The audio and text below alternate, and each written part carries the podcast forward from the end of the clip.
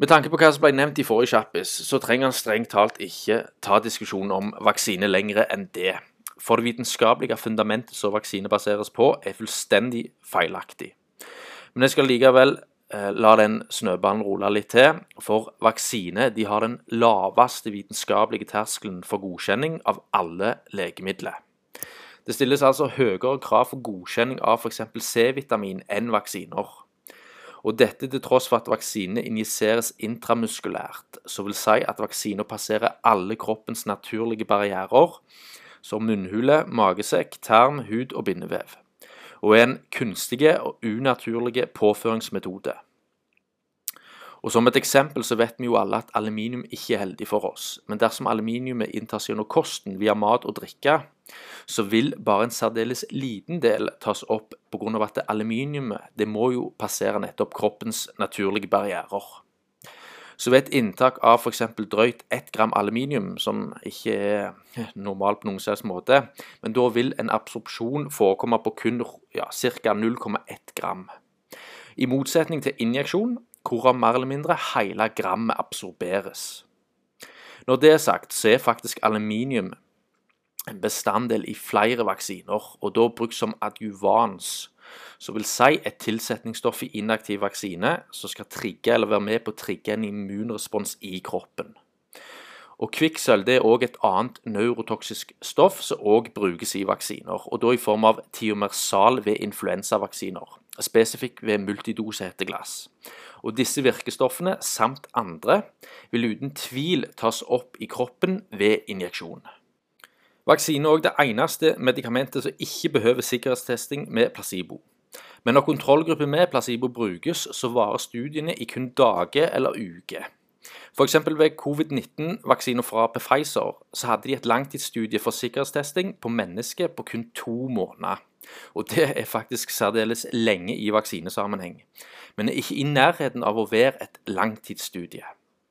The Agency for Healthcare Research Quality, som er underlagt Helse- og omsorgsdepartementet i statene, de la fram en rapport som hadde tatt for seg perioden 2006 til 2009, hvorav 1,4 millioner vaksinedoser ble fordelt på 45 ulike vaksiner. Og dette hadde blitt gitt til 376 000 individer. Av disse så opplevde over 35 500 stykk negative helseparametere i korrelasjon med vaksineringa. Det vil altså si et snitt på 1 av 40, eller 1,3 tilfeller per kliniker i måneden. Og Barnevaksinasjonsprogrammet det bør også selvfølgelig nevnes i denne sammenheng.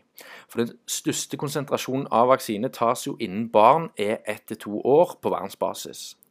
Og i korrelasjon med dette vaksinasjonsprogrammet, som til stadighet involverer flere og flere vaksiner, så har matallergi, astma, eksem, ADD, ADHD og ikke minst ASD eller autisme økt kraftig de siste tiåra.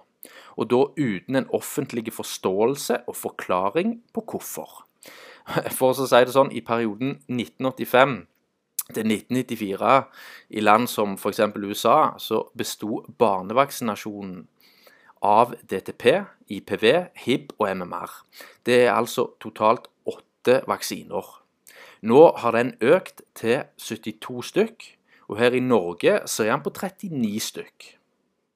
Og tatt i betraktning at ASD eller autisme ikke diagnostiseres før rundt fireårsalder, og vaksine generelt ikke testes med virkelig langtidsstudie med bruk av placebo, så er det ingen som vet risikoprofilen på vaksiner.